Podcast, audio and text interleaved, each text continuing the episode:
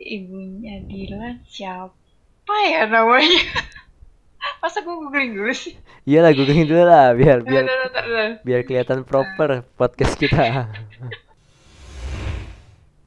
si cowok-cowok justru yang ada di bioskop reaksinya tuh kayak langsung yang ah tai. Kayak gitu. Gue ngomong apa sih deh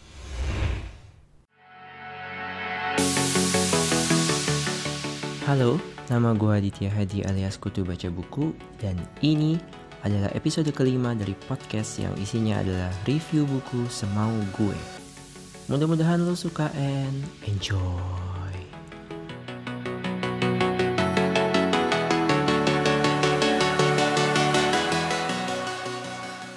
Halo semuanya, ketemu lagi di episode kelima dari podcast Buku Kutu dan kemarin kita udah ngobrolin buku yang judulnya Dilan, dia adalah Dilanku tahun 1990.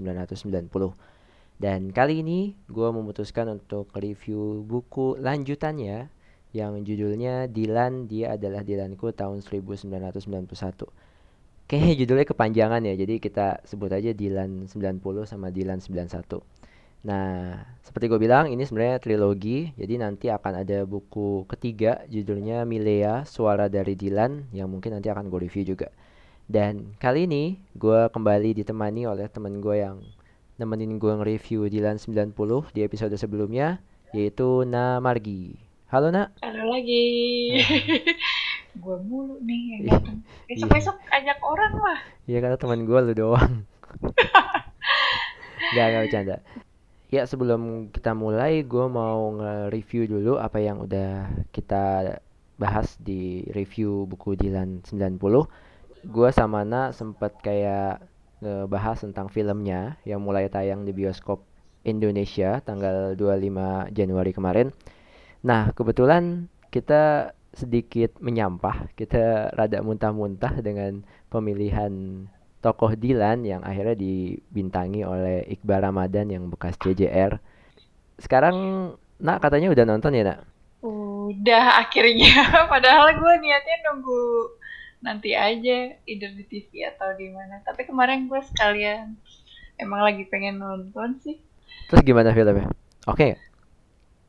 overall sih not too bad tapi yang nggak wow juga gitu loh tapi cukup lumayan lah kalau di out of 10 ya menurut gue bisa enam setengah lah kalau menurut gue ya oke. Ini enam setengah ini lo membayangkan itu sebagai sebuah film atau adaptasi dari Dilannya yang enam setengah?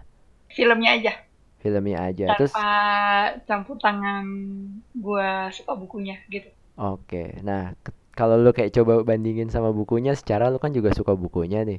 Itu Dapet nggak sih kayak tokohnya si Iqbalnya memeranin Dilan atau ceweknya nge- meranin Milea gitu? dari sekian banyak karakter kalau gue lihat ya menurut opini gue aja ya nih ya tidak mewakili opini-opini orang lain cuma karakter Dilan sendiri sama ibunya Dilan yang kurang pas menurut gue ya Siapa sih ibunya Dilan?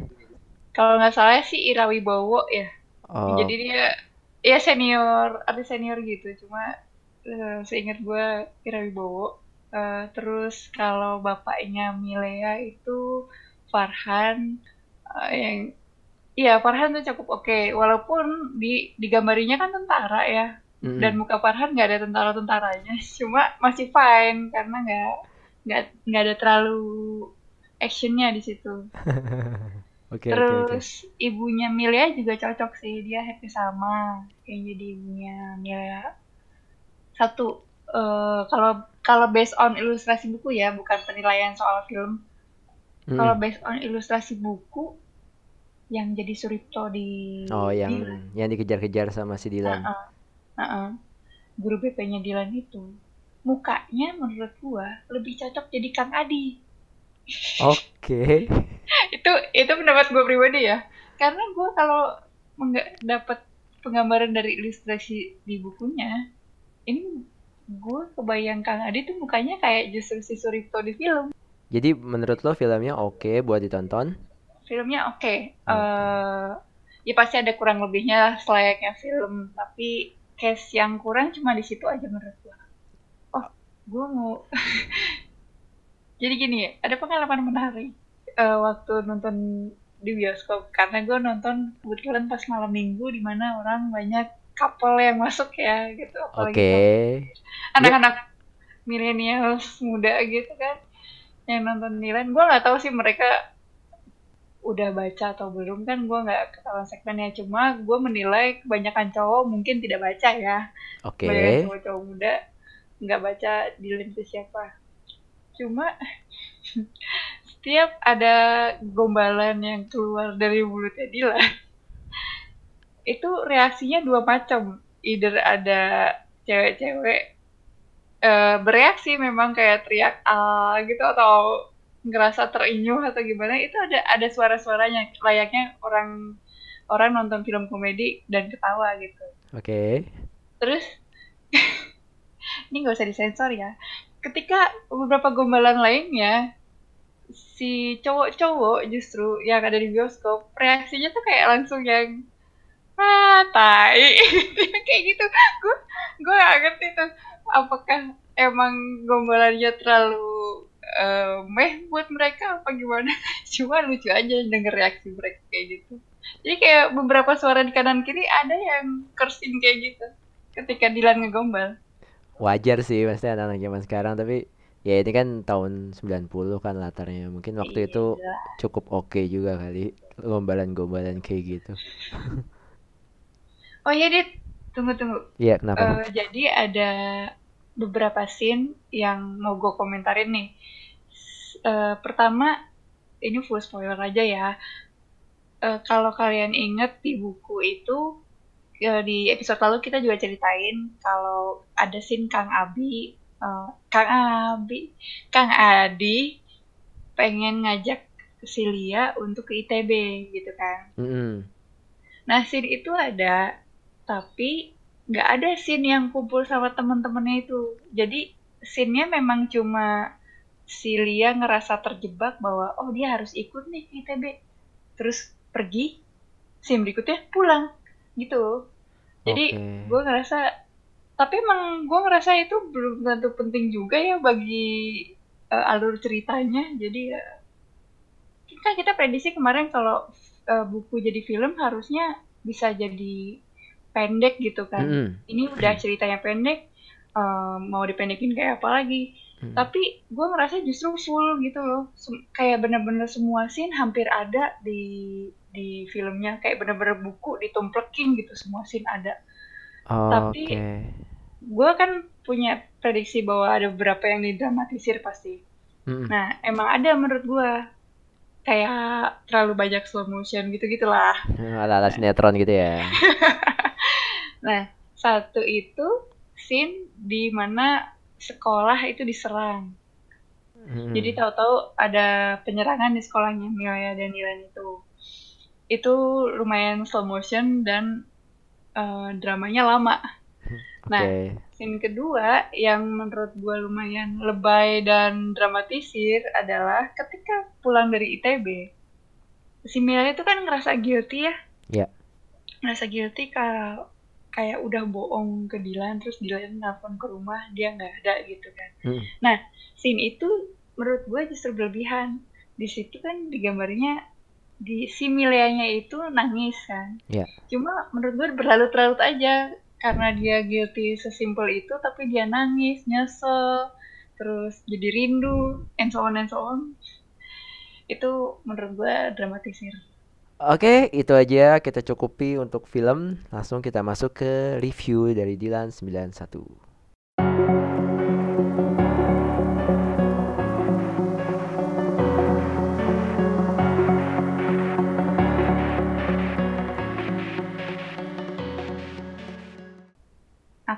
Milea, Milea Adnan Hussein. Jenis kelamin perempuan, Lahir di Jakarta tanggal 10 Oktober 1972 dan sudah mandi. Sekarang, waktu nulis buku ini, aku tinggal di Kemang di daerah Jakarta Selatan, di sebuah rumah dengan luas tanah 124 meter persegi dan luas bangunan 185 meter persegi. Tiga kamar tidur, dua kamar mandi, dan tidak dijual.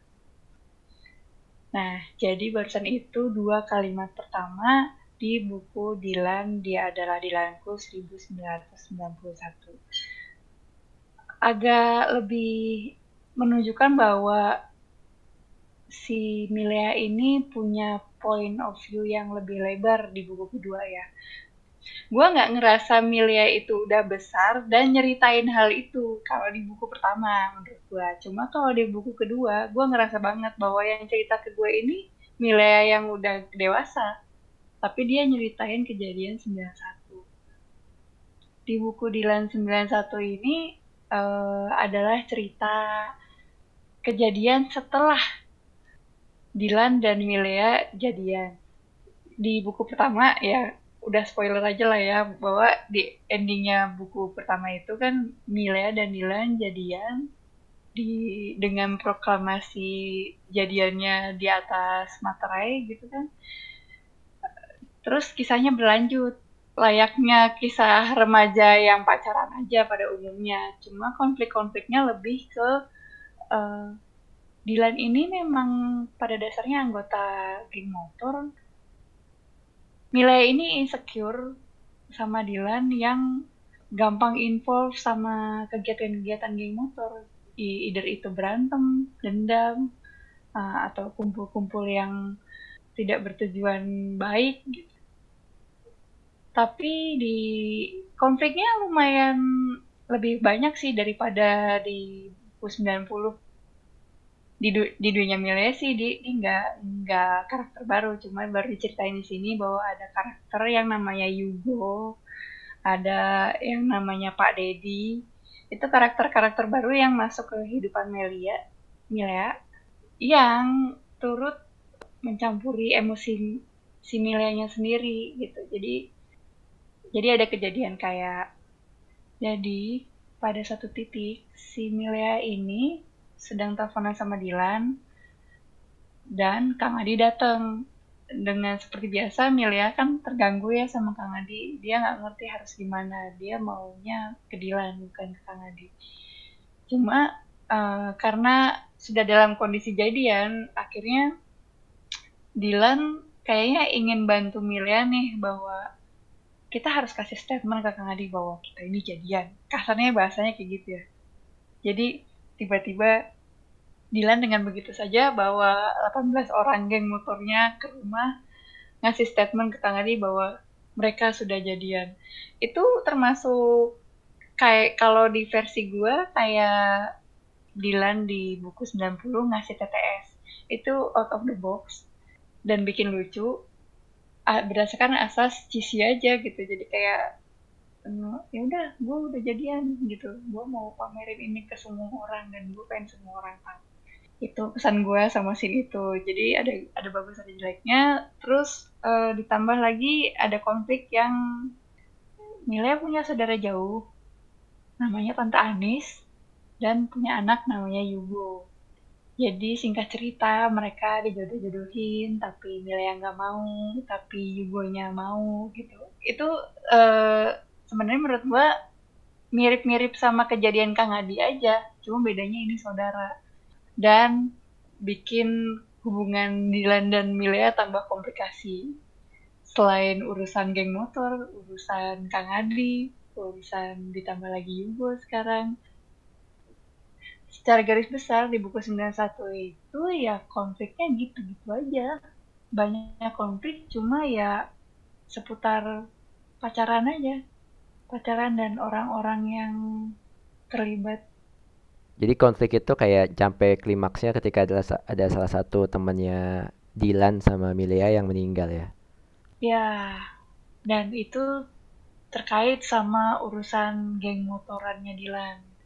Karena kita tahu ada karakter-karakter yang nggak karakter-karakter sih satu karakter doang kayaknya di di di buku 90 juga dikenalin namanya Anhar itu lumayan anak yang bandel gitu kan di sekolah. Dia termasuk orang yang bikin gara-gara banyak kan. Di endingnya 90 juga si Anhar nih bikin hal yang rumit ke belakangnya. Bikin orang jadi dendam.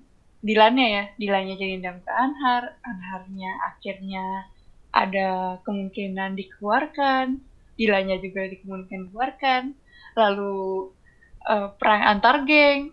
Padahal asalnya konflik mereka perang antar geng itu ya karena di buku 90 si Melia konfront Anhar gitu aja.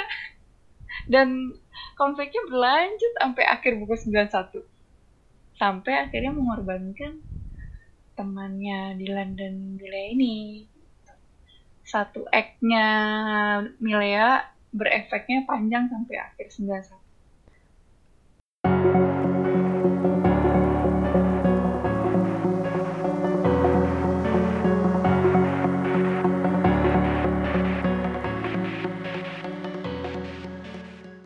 di ending buku 90 itu kan memang uh, mereka jadian ya. Dan jadiannya tanggal 22 Desember 90. Tapi timeline ceritanya dari dari awal buku 91 ini gua sampai nyatet sampai halaman 200. Ini buku total halamannya kayaknya sampai tiga setengahan lah ya. Hmm, 350-an. Sampai hal iya 350-an. Nah, dari pertama sampai halaman 200-an itu masih pada setting tanggal 29 Desember. Jadi kayak hampir setengah buku tuh cuma nyeritain lima harian gitu, nggak nyampe seminggu lah, seminggu lah. Jadi kesannya memang ini cerita yang pendek, cuma memang akhirnya di ending pada saat uh, konflik yang besar itu akhirnya tak tahu udah Juli aja Bukan Jadi abis itu langsung tahun 98 gitu kan. Iya. Lompatnya jauh banget. Iya, tahu-tahu bahkan nyeritain ada yang meninggal di 92 gitu kan, ada yang yeah. kejadian 98 gitu kan. Jadi ya gitu. Gue merasa emang ini cerita yang bener-bener seminggu doang tadinya. Gue pikir ini bener-bener endingnya bakal seminggu doang nih dari jadian gitu kan. Tapi ternyata enggak sih. Gue waktu ngomongin buku 90 kemarin sempat bilang kan kalau gue kesel gue lebih kesel di buku kedua daripada di di buku pertama hmm. sama Mileanya hmm. Selain galau yang berlebihan dan tidak konsisten akan keputusan-keputusan yang diambil selayaknya remaja ya si Mile ini. Oke. Okay. Tapi gue rasa Milea dewasanya ini juga nggak dewasa ini menurut gue gue nggak tahu nih fansnya dari mana lo bisa ngomong gitu gini di point of view Dilan 91 ini kan gue bilang ya ini gue ngerasain banyak bahwa si Milea ini Milea yang dewasa yang cerita eh bukan Milea yang remaja pada saat dia ceritain hal-hal kayak dia mau nangis dia mau ngancem putus gara-gara Dilan involve sama geng motor. Ada kata-kata Milia yang menyebutkan bahwa kalian pasti mengerti kalau di posisi aku. Si Milia dewasa ini ngajak pembacanya memaklumi pikiran-pikiran dia waktu remaja. Gitu. Jadi seakan-akan Milia dewasanya ini kayak memaklu, sudah memaklumi uh, dianya sendiri waktu remaja. Padahal gue secara point of view cewek ya kita punya masalah tuh beda pasti tapi gue nggak mau membenarkan apa-apa yang dia lakukan apa-apa yang dia pikirkan pada waktu remaja. Jadi ajakan Milia waktu dewasa ini ya menurut gue lah kenapa gue harus ngertiin lu gitu kan? Padahal uh, apa yang lo lakuin nggak make sense juga waktu itu gitu. Even lo jatuh cinta ya. Even lo jatuh cinta dan jatuh cintanya setengah mati emang nggak bakal ada yang make sense sih. Tapi menurut gua terlalu reckless gitu si Mila ini pada masa pada masa remajanya gitu. di ending kan ada cuplikan sedikit bahwa Mila yang masa sekarang sempat ketemu lah ya soal sama Dilan ketemu sekilas sama Dilan ketika Milea sudah ke Jakarta, sudah tidak bertemu Dilan lagi. Yeah. Lalu ketika ketemu, dia masih oke okay lah dia rindu. Itu wajar gitu. Tapi nangisin kerinduannya terus nangisin kebohongannya sama orang lain demi ketemu Dilan nangisin dirinya.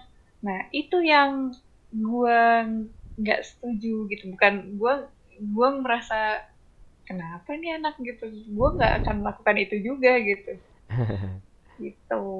Kalau menurut gue sih ini jeniusnya si PD baik ya yeah. karena dia ngambil ini kita berasumsi kalau ini fiksi ya gue berasumsi ini fiksi dan inilah jeniusnya PD baik dia bikin uh, buku pertama dan buku kedua itu dari satu sudut pandang yang iya. artinya yeah kita tuh berusaha untuk pembaca itu dibikin buat kita memaklumi pikiran-pikiran dan tindakan-tindakannya Milia itu sendiri tanpa mengetahui sebenarnya pemikirannya Dylan itu seperti apa gitu.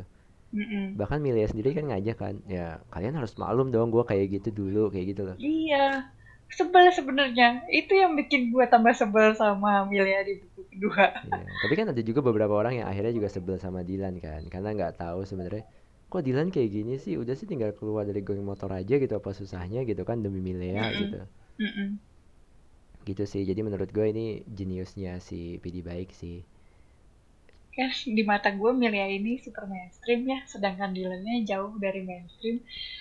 Tapi Milea memperlakukan Dylan seakan-akan ya seakan-akan Dylan tahu apa yang Milea rasa gitu loh. Kayak komunikasi yang nggak baik lah menurut gue jadi cemburunya wajar tapi cara dia nyampeinnya aja yang uh, masih terlalu mainstream. Layaknya cewek-cewek yang pengennya ditebak pengennya dipekain gitu oke okay. ya kalau pribadi gue sih gue ngerasa ya cukup wajar ya maksudnya gimana ya Milianya yang kayak demanding terus Dilannya hmm. yang uh, gimana ya pemikiran Dylan nanti akan terungkap di buku ketiga dan itu menurut gue cukup logis dan sebenarnya bisa diterima untuk yang ya seba, se, secara dia masih remaja gitu kan. Jadi hmm. pemikiran-pemikiran dia waktu itu sih masih bisa diterima sih. Dan lo ngerasa nggak sih kayak ada tokoh-tokoh yang sebenarnya nggak perlu kalau menurut gue gitu? Kayak yeah. kayak Yugo gitu. Yugo kenapa dia mesti pakai Yugo gitu? Padahal kan dia bisa pakai Kang Adi gitu. Mungkin menurut gua case-nya beda ya karena dia itu keluarga terus nggak enakan. Semua sih nggak enakan Kang Adi yeah. juga nggak enakan karena dia temen bapaknya atau siapa gitu kan hmm. Ini yang bikin lebih lebih nggak enakan aja gue rasa. Iya mas gue kayak yang menurut gue nggak penting lagi pak dedi nah itu itu pak dedi paling nggak jelas banget. Itu sebenarnya kalau pak dedinya dihilangin itu sebenarnya masih nggak masalah. Nggak masalah. Jadi itu menurut gue masih bisa diganti sama tokoh lain sih. Mungkin kayak Nandan. Nandan nggak disebut sama sekali loh di buku dua. Di buku dua iya. Eh hmm. disebut lah paling cuma kayak sedikit, ya. nggak tapi selewat doang nggak hmm. ada nggak ada hubungannya sama kegiatan apa pun. Nah, jadi sorry ya buat yang meranin Nandan di di film yang pertama, lo nggak akan dapat kerjaan yang banyak di film kedua. Tapi ya masih khas Dilan banget karena banyak hal-hal lucu kayak Dilannya yang nyalain petasan di kelas. Jadi dia setting timernya pakai obat nyamuk. Ketika obat nyamuknya habis, nyalain petasan terus petasannya meledak terus dia siapa nih yang nyalain petasan padahal dia nyalain dia sendiri gitu kan. Iya, itu cara salah satu cara fitnah yang lumayan kece. Padahal nggak tahu yang difitnah siapa. Oke, okay, tadi kan lo ngomong soal uh, niatnya pilih baik untuk bikin kita nganggap ini kisah nyata atau mm. gitu ya. Kebetulan gue punya buku Dilan 91 ini emang ditandatanganin sendiri sama pilih baik. Nah, pada saat gue tangan, PD baik itu sempat mengkoreksi beberapa hal di buku yang gue kasih ya. Gue waktu itu ngasih buku satu dan buku dua, gue tanda tangan. Lalu sambil tanda tangan dia ngomong, ini ada koreksi ya dikit, terus dicoret-coret dari halaman berapa ke halaman berapa. Nah, yang dicoret itu kayak gimana yang dicoret? Nah, kayak simple-simple hal uh, misalkan uh, tanggal 29 Desember itu hari Kamis. ditulisnya ya terus dia coret jadi Rabu Oh. terus Tante Anis nikah tahun 75 atau tahun 7 berapa gue gue lupa terus dicoret jadi tu- dari 1975 anggaplah jadi 1968 jadi kesannya memang Tante Anisnya emang harusnya nikah tahun 68 gitu padahal mbak sebagai pembaca yang nggak terlalu eh, ngefans sama Tante Anis gitu ya ya terserah aja dia mau nikah tahun berapa gitu kan Oke. Atau mungkin dia baru sadar kali belakangnya kalau Mileanya kan lahir 72, kalau Tante Anisnya lahir tahun lebih dari itu nggak make sense kalau dia ciuman sama Yugo gitu. Nggak tahu sih. macem-macem sih hal yang bikin eh dari 68 ke 75 itu beda berapa tahun doang dia bisa beranak kapan pun Iya jadi juga sih gak masalah jadi gue nggak tahu tuh eh, Oke. koreksinya dalam rangka yang jelas bukan dalam rangka typo ya Ya, itu bisa jadi dua ya. Bisa jadi dia Hmm. emang berawal dari kisah nyata terus dia menyadari kesalahannya atau ada koreksi dari yang empunya cerita atau emang dia cuma action aja buat bikin lo percaya kalau ini kisah nyata gitu kan. Oke. ada lagi gue mau ngomongin scene di 90 scene dalam film ya Mm-mm. dan terulang di eh, buku gue Hmm. nggak tahu nanti akan di- diulang lagi apa enggak cuma Apa tuh? pada saat ini kalau lo nonton ya sumpah ini titik terawkward lo nonton Dilan gue Oke. ngerti lagi Itu yang ngomong ah tai itu berapa orang? nggak bukan Oh, bukan. bukan bukan gombalan justru yang bikin awkward ketika si Bunda Dilan pertama kali main ke rumah Milia mungkin lo ingat pas mau pamit nih Iya. bundanya Dilan minta izin untuk mencium Milea Iya. Nah, gue pikir itu kan kayak sesimpel, oh pamit, ayo pulang, cuci pipi dong gitu yang kayak gitu, ya cuma pipi. Gitu. Tapi enggak, di dalam film, scene-nya slow banget. Si bundanya Oke. ngomong, Milea, boleh bunda cium kamu? Ini awkward banget sih. ya. Terus slow banget, terus si Milea natap ibunya dia, nanya kan boleh bu gitu kan itu lama banget loh Oke, ibunya harusnya lo pakai timer "Boleh." ini berapa menit Iya. gitu. ibunya bilang boleh gitu kan baru deh dicium dicium kening gitu kan cium kening cium pipi kanan cium pipi kiri tapi itu lama banget dan minta izinnya tuh kayak aneh menurut gua Oke, kita sampai ke quote menarik sekarang. Lo ada quote menarik nggak, Nak? quote menarik versi gua bukan di dalam bukunya justru di luar bukunya Hah, yang mana? kayak di luar bukunya kalau punya di covernya Oh, justru yang ada cover. itu. Oh iya ya, yang cover, Iya. yang cover. Itu menarik banget sih yang Jadi- cover. Jadi ya emang tujuan pacaran adalah untuk terus bisa karena menikah, bisa karena berpisah. Justru gue awal tertarik beli buku kedua gara-gara si quote itu. Oh, terus lo nganggap kalau di dalamnya ada quote itu lagi gitu. Ya, Oh. padahal nggak ada. Kalau gue sih yang ini yang ini si Dilannya lagi ngomong sama Milea, kamu jangan bandel dong kayak gitu kan. Terus Dilannya Hmm. bilang gini, kamu pikir bandel itu gampang? Susah, harus tanggung jawab sama yang dia udah perbuat. Gitu. Oh Ini- iya iya. Ini ini kata-kata yang simple tapi somehow kayak apa ya? Kayak dalam sih sebenarnya, kayak nunjukin pinternya si Dilan banget gitu. Lo ada lagi nggak? Kalau di film sih justru, Apa tuh? kalau di 91 ini jokes. Tapi jokesnya gue inget waktu gue baca itu ketawa garing gue. Karena emang jokesnya garing. Oke, Tapi di ternyata di film disampaikan oke. ketika teleponan kayak mana? eh, terakhir-terakhir teleponan dia ngomong eh, jangan lupa jangan lupa apa ingatan haha Itu garing sih, tapi gue entah kenapa ketawa juga akhirnya di film Tapi oke nggak sih Iqbal ya? Oke.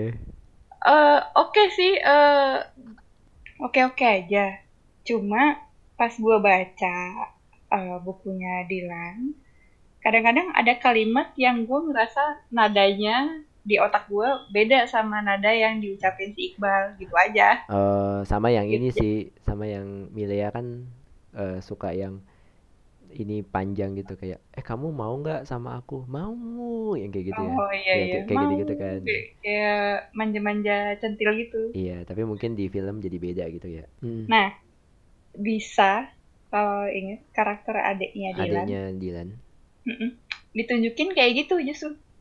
oke Jadi kayak kalau ngomong panjang ya panjang. Bisa ngenalin diri tuh. Digambarin di satu anaknya unik juga gitu kayak Dylan misalnya tapi kayak datang-datang pakai tas di kepala gitu. Ini yang jadi bisa anak JKT48 kalau nggak salah. Oh, oke terus Toto datang halo nama aku Disa gitu kan ke Milya Hmm. terus mau tahu nggak nama panjangku nama panjangku Disa gitu kan dapat dapat ya. dapat ya lucunya ya dapat ya lucunya. Da ya dapet tapi awkward oke. gitu. Karena karena karena tahun 90 itu lucu kayaknya. Oke. Jadi kayak nama panjang lu siapa? Lina gitu kan. Itu oke jadi ki- ya ya jadi awkwardnya kayak kayak Jayus cuma ya udah ketawa aja karena Milenya ketawa Ya, jadi kesimpulannya adalah lawakan-lawakan Dilan dan Milea ini hanya lucu di tahun 1990 dan 1991 gitu ya. Kalau gua ada satu lagi sih quote yang ini juga dalam juga sih. Di, ini sama.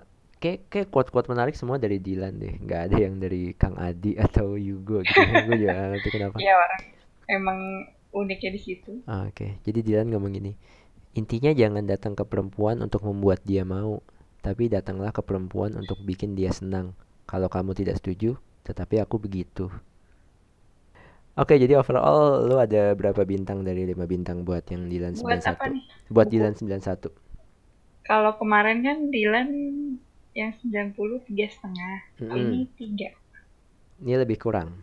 Heeh. Oke, kayaknya lu bakal Karena- berkurang lagi di nanti buku ketiga deh. oh iya gue belum baca Oke, kenapa kenapa yang ini tiga? Kenapa lebih kurang dari yang 90? ya karena as as I said sebelumnya karena gue lebih kesal sama karakter Milenya bukan karena Milya remaja Milya dewasa pun ternyata gue kesal gitu Oke, kalau gue sendiri sih ini yang 94, yang Dilan 91 juga 4 sih. Karena menurut gue konfliknya masih lumayan ada lah. Nah, ketiga, ketika buku ketiga rada aneh Anehnya tuh karena kita di buku pertama dan kedua cenderung ber kayak jadi di sisinya Milea. Milea. Iya, karena kita di sisinya Milea gitu. Dan kemudian ketika kita di sisinya Dilan itu jadi kayak ngelengkapin doang karena sebenarnya cerita-cerita yang dia ceritain tuh sama. sama Hanya ada beberapa cerita. Ya, tapi ini ada kayak kalau di Divergent kayak four gitu ya Iya jadi kayak cuman pelengkap dan banyak hal-hal yang menurut gua nggak perlu ada di situ sih cuman ya gitu deh. Oke jadi intinya kalau udah baca dan nonton filmnya bakal ngerasa eh ya sama ceritanya Milia sama Dylan ya. Cukup lah. Cukup lah. Cukup apa nih? Cukup bacanya apa tuh? Cukup harus dijalani juga enggak ya? Nggak itu kan kedua kedua produk yang berbeda buku dan film gitu. jadi kalau orang biasa kan fan fan girl fan girl fanboy buku kan biasanya ngomong kalau ngomong-ngomong orang yang nonton film lo harusnya baca bukunya dulu gitu kan. Sebenarnya nggak juga nonton nonton aja kalau itu produk film bisa menghibur mah. Ya ini aja. Ya inilah kata-kata dari seorang nah yang baru terkesima nonton Dylan dengan Iqbal Ramadannya biasa aja Oh, biasa aja. Oke oke oke, thank you nah. Mudah-mudahan di episode berikutnya gue bisa ngundang tamu yang lain ya selain lo. oke berikutnya gue denger jangan suara gue lagi Oke oke, bye nak, bye. bye thank you Thank you. Oke, okay, that's all for us. See you in another episode. Buat kalian yang mau kasih komentar atau masukan buku apa yang harus gue review, bisa kontak gue di akun Twitter adheet underscore ya atau email ke aditya.hadi@gmail.com. Sampai ketemu di episode berikutnya, and ciao.